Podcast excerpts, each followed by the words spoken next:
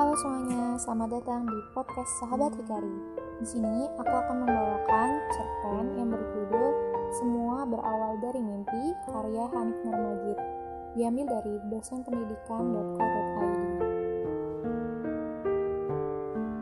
Tidak seperti biasanya, hari ini pasienku sangat ramai. Banyak pasienku yang menderita penyakit demam berdarah. Walaupun sedikit lelah, tetapi aku harus melayani pasienku dengan baik. Karena itu adalah tanggung jawab besarku sebagai dokter. Aku sangat senang dalam profesiku saat ini, karena bisa membantu dan menolong banyak orang.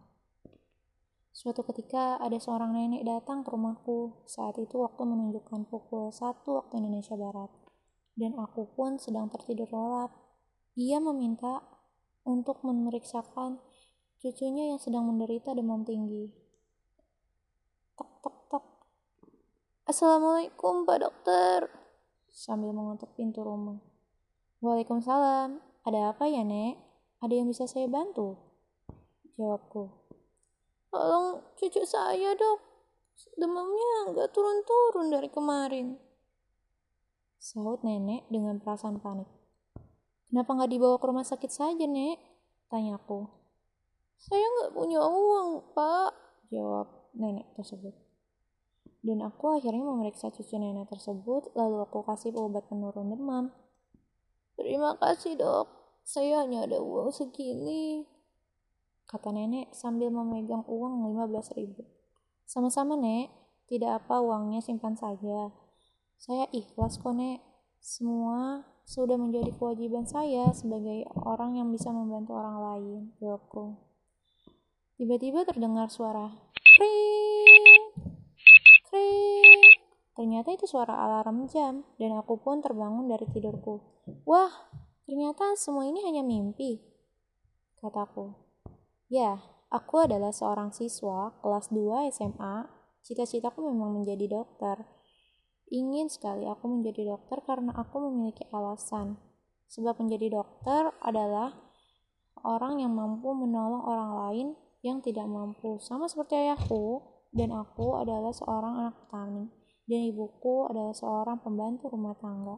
Itulah yang menyebabkan aku ingin menjadi dokter dan menjadi orang yang sukses. Suatu hari, ayahku jatuh sakit dan terpaksa tidak bisa menafkahi keluarga. Aku sempat ingin berhenti sekolah, kerja untuk memenuhi kebutuhan keluarga, tetapi ibuku melarang untuk berhenti sekolah. Bu, apa lebih baik aku berhenti sekolah saja ya? Dan bekerja, aku tidak tega melihat ibu bekerja dengan sangat keras untuk memenuhi biaya berobat ayah dan sekolahku. Tutur aku. Jangan nak, ibu masih bisa membiayai semua perobatan ayahmu dan sekolahmu. Kamu harus punya cita-cita yang tinggi dan jadi orang sukses. Kamu fokus saja lah belajar sana. Jangan pikirkan kamu biaya sekolah. Itu adalah tanggung jawab ibu dan ayah. Jawab ibuku.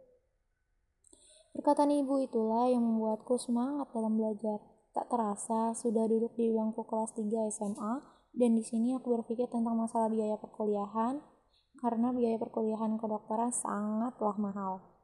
Dan orang tuaku tidak akan mungkin bisa membiayai karena biayanya mencapai puluhan bahkan ratusan juta. Aku pun sangat bingung memikirkan masalah itu. Beruntung aku mempunyai seorang guru yang sangat peduli padaku. Beliau selalu memotivasi dan membantuku. Beliau namanya Bu Dewi. Seorang guru biologi, beliau sangat mendukungku untuk melanjutkan kuliah kedokteran. Karena katanya, aku sangat berprestasi di sekolah. Beliau selalu memberikan informasi tentang beasiswa.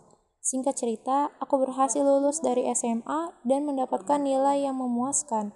Aku pun berhasil diterima di universitas ternama di Indonesia dan orang tuaku sangat bangga atas pencapaianku ini. Orang tuaku selalu berpesan agar aku kelak menjadi orang yang sukses, jangan pernah sombong dan tetap rendah hati.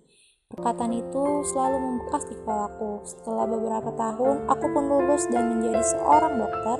Sungguh perjalanan yang tidak mudah.